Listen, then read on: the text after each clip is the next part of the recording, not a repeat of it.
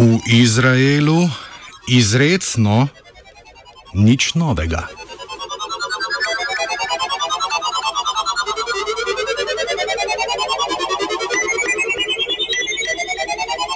Izraelska vlada, ki je nastala iz nestabilnega zavezništva med večnim Benjaminom Netanjahujem in Benjem Gancem, ki je bil najprej njegov smrtni sovražnik, na to pa podpredsednik njegove vlade, je včeraj dokončno razpadla.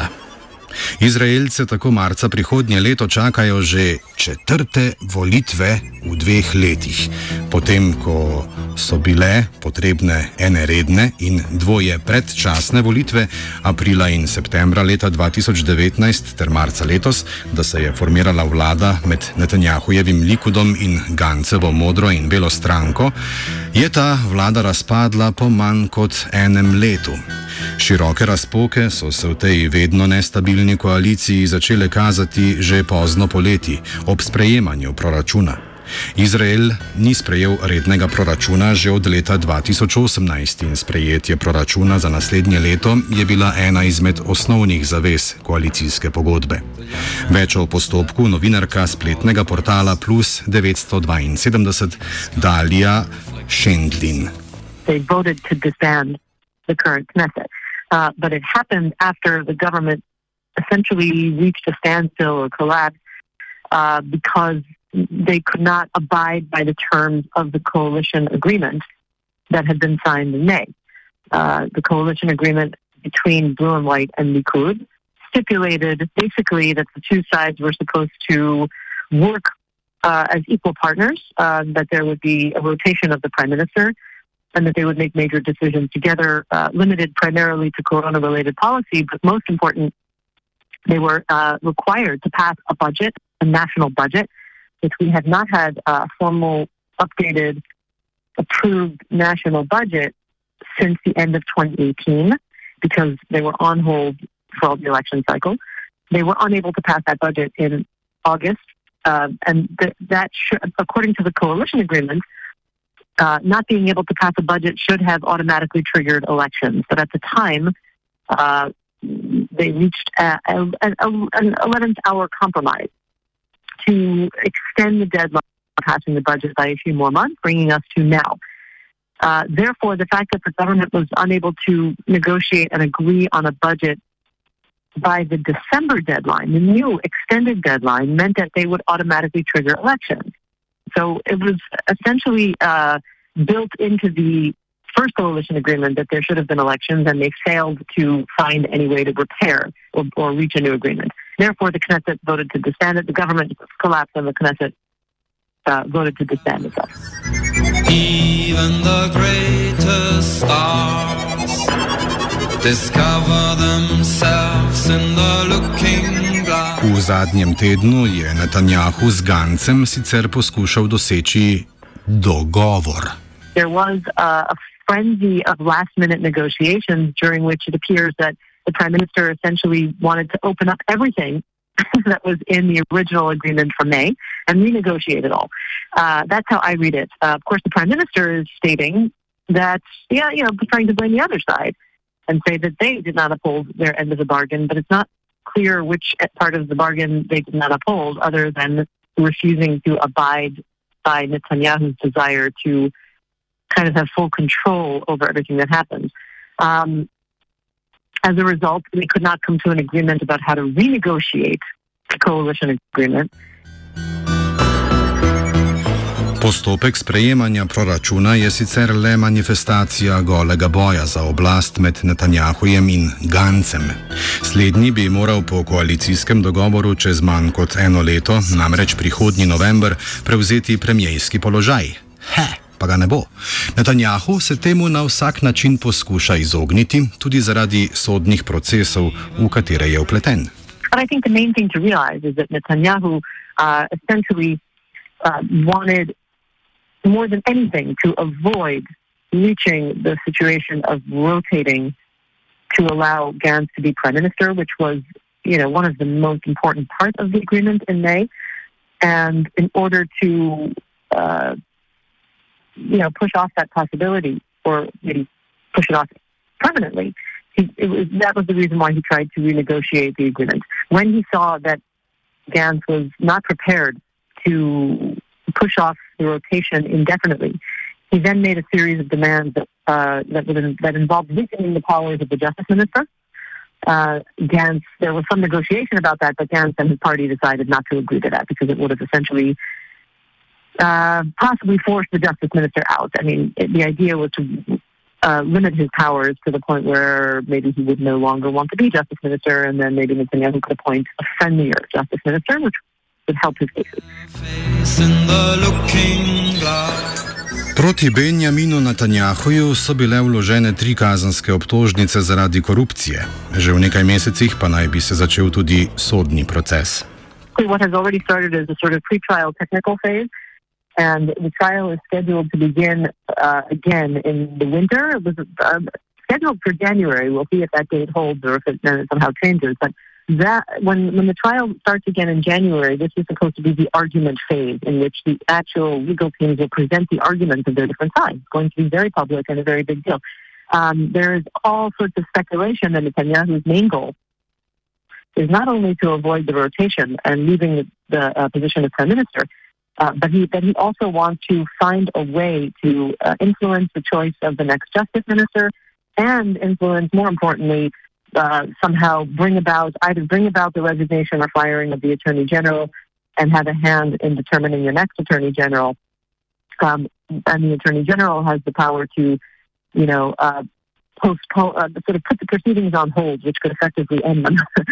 um, and I think that's it, it, may seem like somewhat of a remote possibility now, but other people would say it seems like a remote possibility that Netanyahu would ever let the trial actually get to the phase of, stage of argument.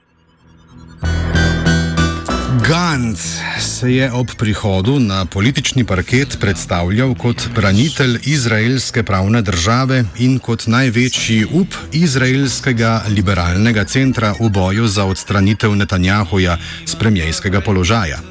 Z vstopom v vladno koalicijo z Likudom se je pri večini svojih voljivcev diskreditiral in je sedaj malo več kot politični zombi.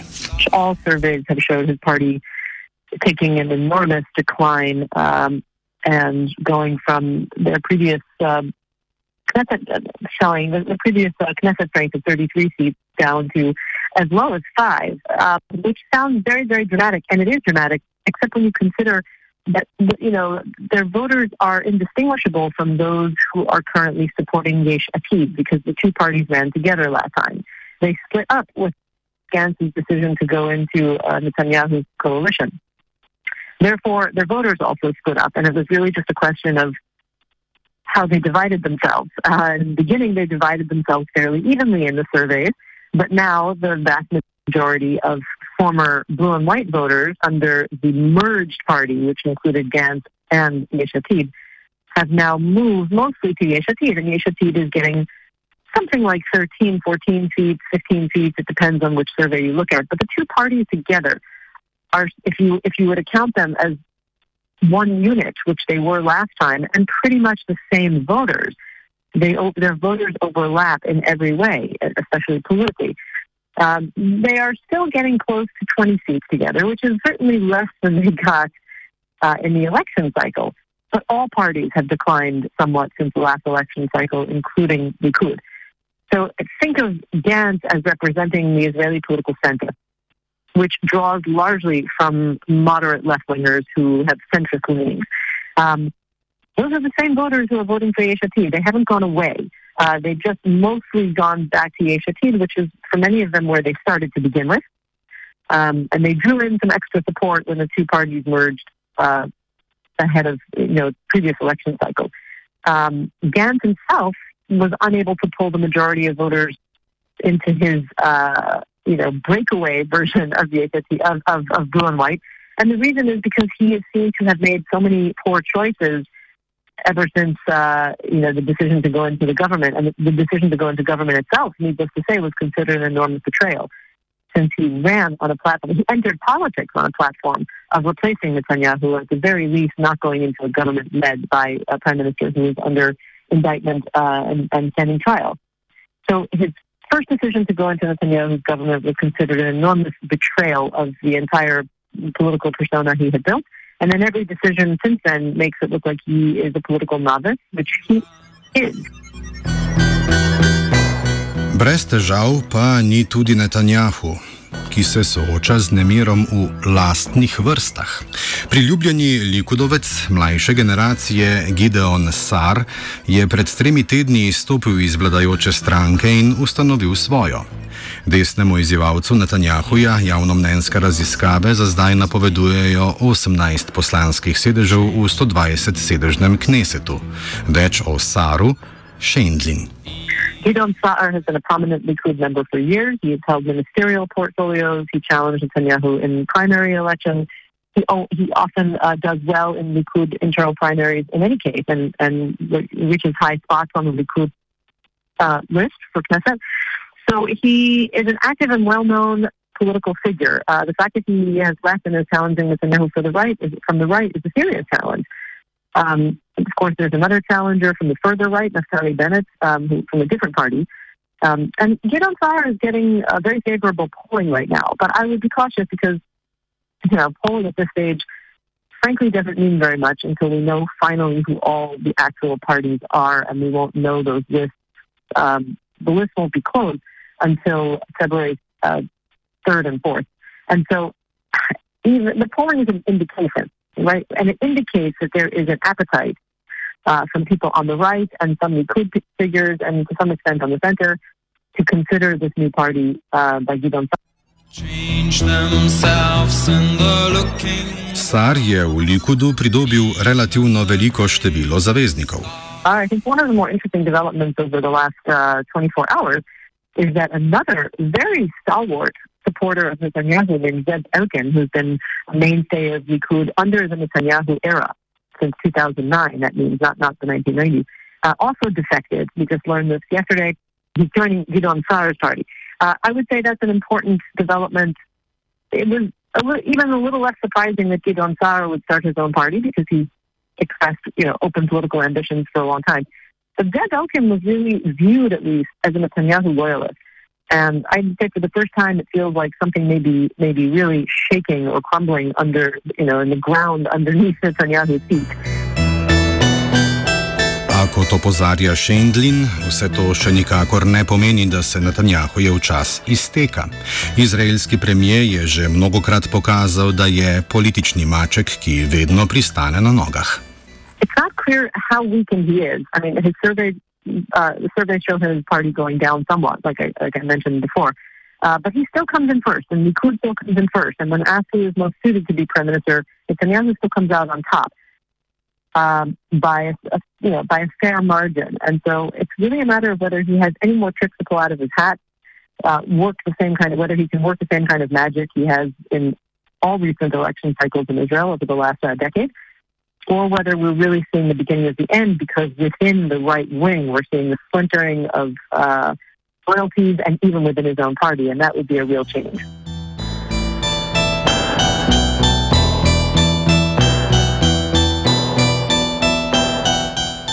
Osnovno pravilo izraelske politike v zadnjih 15 letih je, da Benjamin Netanjahu vedno zmaga.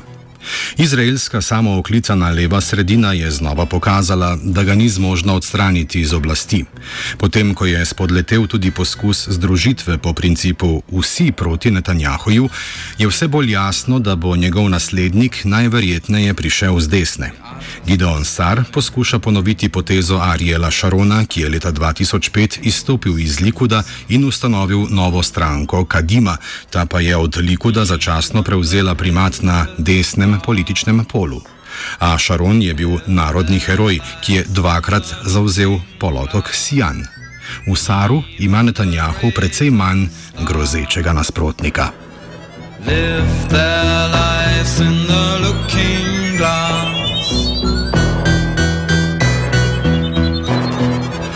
Offside je pripravil Gal. Gal. Gal. Gal.